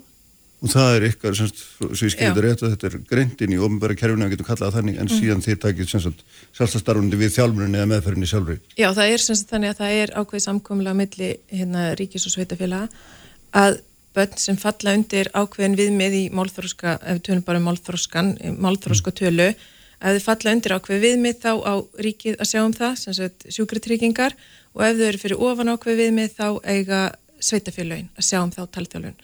Þannig að í rauninni er það þannig að börnin sem uh, eru hvað verst stödd, þau þurfa að býða lengst uh, en það er samt viða pottur brotin hjá sveitaféljum líka að þau sé að sinna þeirri talþjálfun sem þau eiga að sinna. Þannig að börn eru alls ekki að fá nóga talþjálfun, það, er, það vantar svo að það sé næg talþjálfun í bóði. En Hva, hvað gerðist fyrir 2010-11? Þá bara vissi að- fólk ekki eins mikið um þetta. Nei, ég minna þá bara, þá bara voru börn bara haldin þessu eða, og var bara fullari fólk með þetta. Já, það voru, sagt, það voru eins og talkennarar inn í skólum sem er eitthvað sem er degjandi núna. Þá var eitthvað að vera að tækla þetta með, þú veist, ROS og framburðinn og þetta. Um, en bara, þetta var náttúrulega ofbúðslega vangreint á þeim tíma að það er ekkert eins og málþórskuröskun hafi bara orðið til árið 2010. Sko. Þetta er bara... Það er sjálfsagt margir í fangilsi núna sem að hefðu kannski geta sloppið við það ef þeir hefðu fengið við hann þjónst á sínu tíma. Já, já. já, þetta er sem sagt það, þetta er svo alvarlegt að því ég áttum enga vinna á hvað svona, hversu hamlandi þetta er en Já, það er náttúrulega mjög frustrerandi þegar að þú getur ekki átt í samskiptum við fólk, þú átt svo erfitt með að þú skilur ítla hvað fólk er að segja, þú getur ítla tjáði hvað þú vilt, hvernig þið líður. Að þá, þá bara kemur frumaðurinn aðeins upp í þér og þú ferð að láta til dæmis nefan að tala. Og, og þannig að þú verður ofslega, já, pyrraður þetta tengist, hérna, þetta er ekki bara, snýst ekki bara um málið sjálft, þetta tengist alltaf margs konar annars, Já, þessi annars konar hegðun og Já, já, og langskóla sem sagt, að geta sótt sér þú veist, hérna, lengri mentun, Mm. geta farið í aðtunum viðtal, geta bara átt í þessum almennu samskiptum sem að maður þekkir það verður eitthvað niðurbrot í samskiptunum sem verður kannski til þess að fólk dregur sig þátt í hlje eða jafnvel það bara er stál í stál og það verður bara einhverjir konfliktar út af Mm. þessum sem sagt, skilnings eða tjáningar skorti sko. Og hvað, nú er þið hérna, þið voru með samning við ríkið til 2019, sagður mér ekki að regnaður, Já. og þarna sem var framhlingdur einhlýða Já. til 2020 Já. og nú er 2020 svolítið löngu liðið. Og En nýbúið, nei, Já. þar að vera. Og hvað hérna, hvað, hvað standa þessi máli eða núna? Hva, hva, þegar þið komið með þessa sögu inn til tringastofnunar þá, við störfum núna á mánuði til samningurinn gildi frá mánuði til mánar og við vorum að fá þær fregnir fyrir um það byrju tveimu vikum síðan að það er búið afturkalla samningsumboð. Heilbyrðisraðunandi er búið afturkalla samningsumboð sjúkartrygginga Íslands og er búin að setja sagt, máli í nefnd og á að skoða sagt, hver þörfin er fyrir talmenni þjónustu og reyna að tækla þessi mál. Þannig að við erum svona að veltaði fyrir okkur hvort að það sé reynilega físilegt að við segjum okkur af samningi af því að þetta er búið að vera óbúslega langur tími þar sem er verið að draga okkur svolítið á veist, það er verið að vísa veist, sambandi sem sveitafélag áttu mögulega að taka málaflokkin yfir, það er einhvern veginn alltaf verið að velta boltanum á undan sér. Um, en uh, lendingi verður mögulega svo að við samþykjum þetta fram til áramóta af því gefnu að nefndin skili af sér sem sagt fyrir þann tíma. Að þetta dægi ekki bara upp í, einhverjum nefndastörfum í árið og tvö í en, viðbót. en núna sem sagt af einhvern meirinn ár hefur þetta verið þannig að foreldra batna sem eru hjá okkur hafi raunum verið ekki vitað hvort að þið eruð á samningi eftir Nei, mánaðamótin það hefur ekki verið alveg svo dramatíst Nei, nei, sko. Nei, þessi samningur hefur bara verið svona sjálfkrafa endunjast Já, þannig, já, já. og, hérna, og, og er þannig bara í rauninni ótímabundið Mhm. uh, Þó hann er sér lokið þó, þó hann svo löngu lokið og, og hérna en við erum náttúrulega að vinna í því að, að eða vorum, það er vist búið að stoppa það, að Mm. vinna í því að, að gera nýjan samning. Og hérna og vorum að reyna að fá sjúkritryngar að borðinu með okkur. Og hérna og gekk eitthvað illa. Þanga til að hérna heilbæristur ára afturkallar þetta samningsumboð. Og nú er bara þessi patt staða. Við, þau hafa ekki lefi til að semja við okkur. Uh, það er komið í nefnd. Uh, við fáum að vita á þriðdæn hvað það felur í sér. En ef þetta er við hrættum að við verðum eins og hérna eins og hjá, hjá sálfræðingunum. Að þetta verði bara í nefnd og dagi bara upp í einhverju nefnd. Það Er- gerist ekkert í okkar málum. Er, er, hérna, er ríkið svona tortryggir það þörfina fyrir? Já, það hefur bara sínt sig það? bara endur tekið að hérna, það er rosalega mikil vanþekking á okkar störfum. Það er engin innan sjúkartrygginga Ísland sem að þekkir störf talmennafræðinga að neinu viti sko.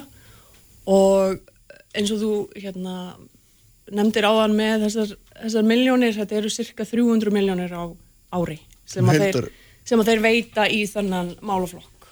Og við sem sagt vorum að krefjast þess að samningurinn yrði opnaði fyrir nýjútskrifa þess að væri hægt að vinna á bygglistunum eins og hægt er. Þannig að þeir þurft ekki að býði þessi tvö ár Þannig áður en þeir kæmust á samningin. Já, nákvæmlega, þannig að við viljum það burt fyrir alla, þú veist, hérna, talmennafræðingarna á lands, hérna, landsbyðinni, talmennafræðingarna hér og náttúrulega fyrst og fremst fyrir öll þessi börn sem að er að býða. Þannig að þá, hérna, kokka Marja Heimisdóttir, forstjóri sjúkratrygginga Íslands, upp, uppæði sem er 180 miljónir. Þannig að hún miða þá við það að það fari 15 manns skyndilega sem er ekki til á samningin og fari í 100% starf það eru núna tíu á, í 100% starfi sem starfa fyrir sjúkartryggingar Ísland Mhm. þeir eru ekki fleiri. Og bara eh, já, svona van kunnáta og bara svona vanvirðing á því sem að við erum að gera og því sem við erum að reyna að gera. Og, þessi vankunnut og vanþekking fer alveg inn í hilbriðisræðanetin líka. Og við erum rosa hrættar þegar það á að fara að setja málið í nefnd við viljum náttúrulega vera með í því því við viljum ekki að sé talað um okkur án okkar.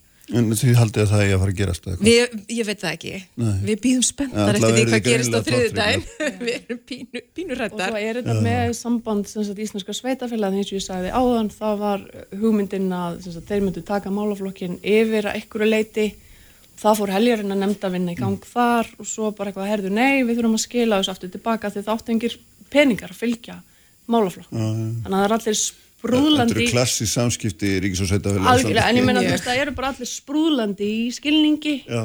þángar til að kemur að því að taka þau En, en, en, en sem sagt ríkið raun að veru að því að, að þetta er náttúrulega ákveðin sprenging aðna, mm Mhm. svona, mjög fáum árum hérna, þörfin mhm. og ríkið er einhvern veginn að hugsa byttu hérna, það er nú ekki víst að þetta sé nú svona það er nú ekki víst að allir, allir þessi börn þurfi þessa þjónustu er, er það þessar það sem það er það er spurningarna sem við hefum fengið frá til dæmis sjúkratryggingum þegar við sittum við samningarnir mm. borðið þar Hva, en þið eru gallharðar á að það sé þannig eða hvað? Já, já, Já. við fáum alveg hvað hva, hva getum við hægt að borga? Já. hva, hve, hvenar hérna, geta sveitafélagin ekki tekið meira yfir? Þú veist, þetta, er- þetta minnir mann stöldum á sko, þegar maður er að eiga við börni sín. Bíddu, ég tókur upp þetta í dag og hann ekki að gera það núna. Þú veist, hérna, hva, hérna er við að borga meir en þau, eru við að gera meir en hinnir og þetta er ofsalega þreytandi. Þa, það eru þúsund börn að minnstakosti á höfuborgarsvæðinu að býða fyrir utan öll börnin á landsbyðinni sem er að býða það eru ekki að fara að koma 50 talmennafræðingar á, á, á, á samning hjá sjúkratryngum þó að þeir tækja ákvæðið út bara núna um hátegi. þetta er ekkert bara, bara svo ég það fram, þetta er ekkert bara börn, þetta er líka, þú veist, já, já, já, akkurat. En við verðum bara, og þú veist, ástæðan fyrir því að við erum hér og ástæðan fyrir, þú veist, börn hafa ekki kostningarétt. Börn hafa ekkert um það að segja hver er heilbriðisráðherra eða hver er fjármálaráðherra. Þannig að við sem að höfum einhverju þekking á málefninu, við verðum að tala fyrir þessi börn og berjast fyrir því að þau fái þá þjónustu sem að þeim ber. Mhm. Því þetta er bara, þú veist, það er réttu sjúkartrygg á Íslandi að fá þessa þjónustu og sjúkartryggingar Íslands og heilbriðisráðuneti er að setja, þú veist, tappan í eitthvað sem er ekki tímabært að setja tappan í. Og svo heitir maður fólk úr ríkistjórn. Þetta var já, og fleiri. Já, og svo, já, það eru fleiri sem við höfum eitt sem hafa verið, já, bara, ég skil ekki akkur þetta ekki tekið út. Þetta er bara eitt pennastrygg. Þetta var sett inn, það var fólk sem settið inn, það er fólk sem getur tekið þetta út. En samt er þetta ekki tekið út. Þetta tvekjar ákvæði og blessu börnin býða og bilið ekst. Herði, við skulum vona hérna að það finni einhver pennan í bröstasunni hjá sér og strikki yfir þetta. Og ásunahefti. Já, við þeim, takk fyrir að koma báða tvær. Já, takk Og fyrir. gefa okkur insinn í þetta hérna sérkjærlega málverðinu að segja. Herði, sprengisandurum er lokið í dag, Ívar Daví Haldursson stýrði útsendingun eins og alltaf. Allt efnir á vísar, vísar.is og bilgjam.is og hvar veitna það sem þið finnir hlaðvar. Svo verðum við með ykkur hér áttur eftir viku.